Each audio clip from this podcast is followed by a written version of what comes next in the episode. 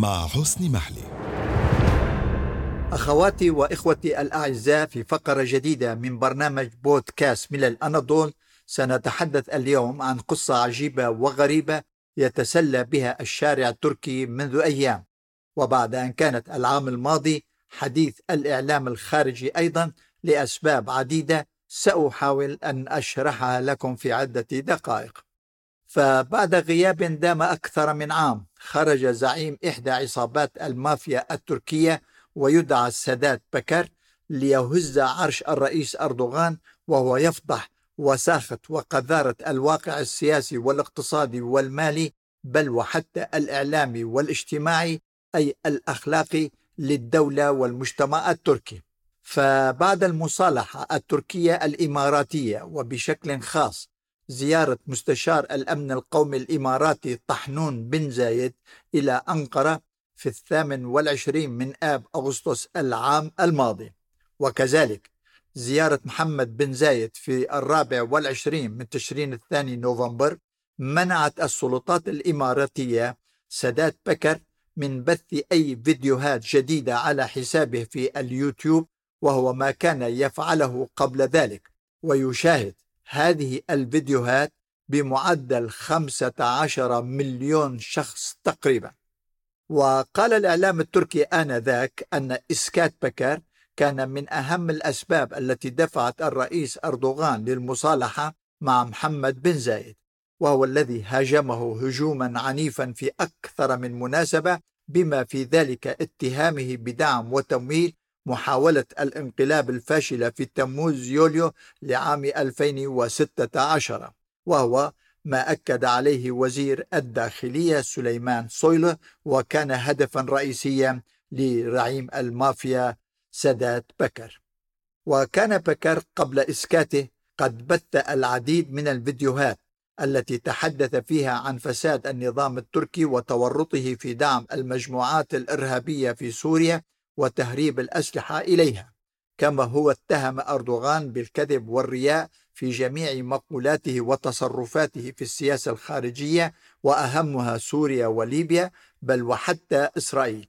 وسأل ذات مرة في إحدى فيديوهاته يقول إنك يا أردوغان تدعم الشعب الفلسطيني في نضاله ضد الاحتلال الإسرائيلي فلماذا لم ترسل طائراتك المسيرة لهم فيما تبيع هذه الطائرات لدول أخرى. واتهم بكار الرئيس أردوغان باستخدام الدين والمقولات القومية رياء فقط للكذب على الرأي العام التركي وشحن مشاعره الدينية والقومية وعلى حد قوله. ومنذ ذلك التاريخ أي المصالحة مع محمد بن زايد لم يتحدث سادات بكر وانشغل بال الشعب التركي حول مصيره ليظهر هذه المرة عبر حسابه على التويتر واستخدم فيه اسما مستعارا فكتب العديد من التغريدات التي فضح فيها هذه المرة علاقات الفساد الخطيرة التي تورط فيها رجال الأعمال وأصحاب وسائل الإعلام الموالية للرئيس أردوغان. كما هو تحدث عن قصص جنسية تورط فيها هؤلاء. والغريب في الموضوع أن أحدا من هؤلاء لم يرد على ادعاءات بكر وكأن شيئا لم يحدث. في الوقت الذي تجاهلت فيه النيابة العامة ادعاءات بكر الذي قال أنه مستعد لإثبات هذه الادعاءات بالوثائق والصور والفيديوهات. كما لم تتخذ النيابة وعلى الرغم من إصرار قيادات المعارضة المتكررة أي إجراء حول ادعاءات بكار العام الماضي بحق وزير الداخلية سليمان صويلو ومستشار أردوغان للشؤون الأمنية محمد أغار واتهمهما بكار بالتورط في تهريب المخدرات من كولومبيا إلى قبرص ومنها إلى تركيا. كما هو حملهما مسؤولية الاغتيالات التي وقعت في الشطر الشمالي من الجزيرة وراح ضحيتها رجل أعمال شهير وصحفي.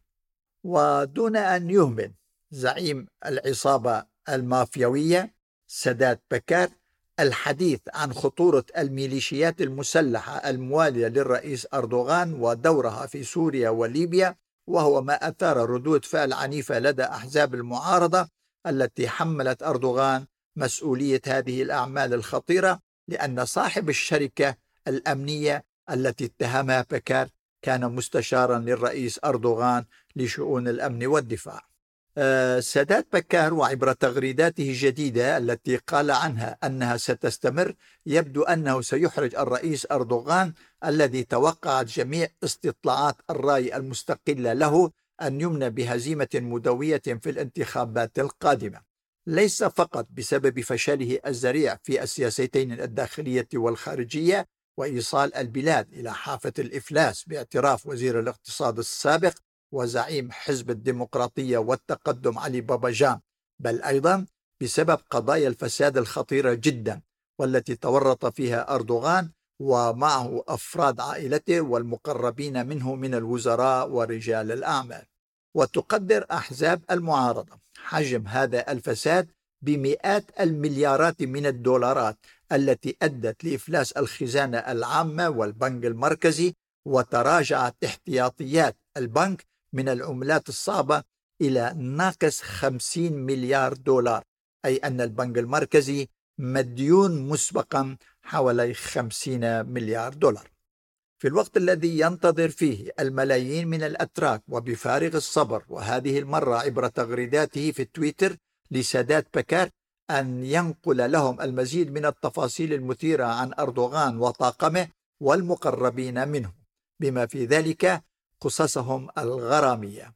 ويعرف الجميع أن عدد المغرمين بقصص بكار سيزداد باستمرار مع كل فضيحة يتحدث عنها ويثبتها بالأدلة والصور والفيديوهات. ويقول أنه يملك عشرات الآلاف منها لأنه كان ضمن الحلقة المقربة من السلطة وخدمها في كثير من المهمات السرية على حد قوله هو. بما في ذلك تبرعه بالأسلحة للجيش السوري الحر والنصرة وهو ما تحدث عنه بإسهاب في أحاديثه السابقة. أه ودون أن يكون واضحا هل وكيف سيستطيع الرئيس أردوغان بعد الآن إسكات بكر؟ وكما فعل العام الماضي بمصالحة محمد بن زايد الذي لا يدري أحد لماذا سمح لبكار المقيم في دبي بالتغريد عبر حسابه في تويتر. وهو ما يزعج ويحرج الرئيس أردوغان دون شك. وقد يدفعه ذلك أي أردوغان للدخول في مساومات جديدة مع محمد بن زايد الذي يبدو أنه يستخدم بكار كورقة مساومة مع أردوغان في قضايا ثنائية وإقليمية ودولية. بما في ذلك التنسيق والتعاون المشترك ثنائيا أو مع تل أبيب والسعودية ومصر وقطر فيما يتعلق بتقرير مصير سوريا وليبيا والعراق وقضايا إقليمية أخرى.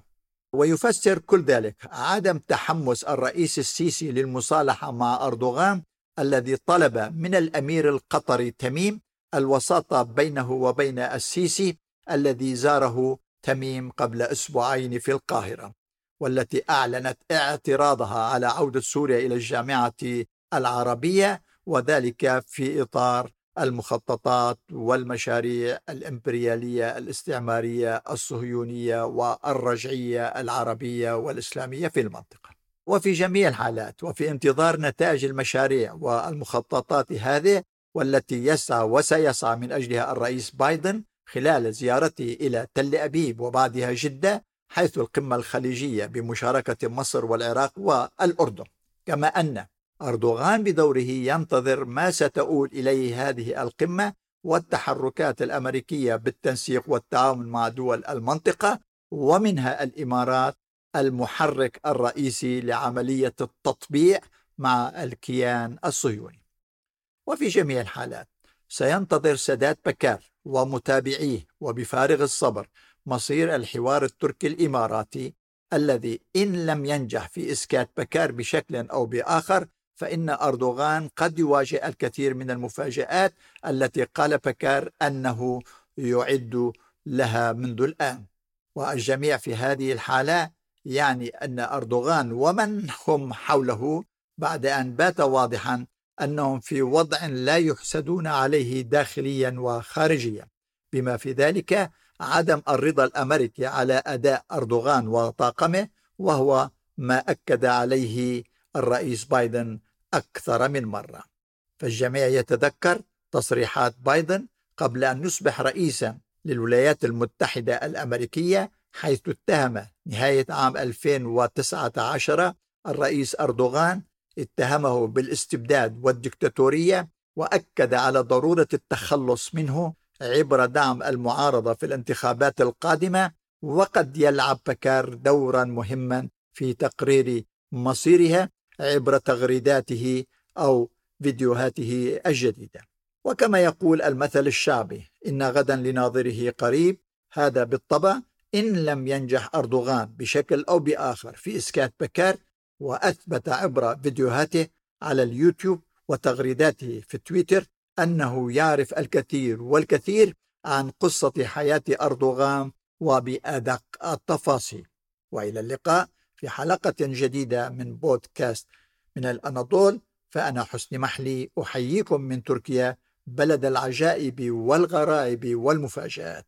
ومنها ما سيقوله زعيم المافيا سادات بكار خلال المرحلة القادمة أو ما لن يستطع قوله لسبب ما.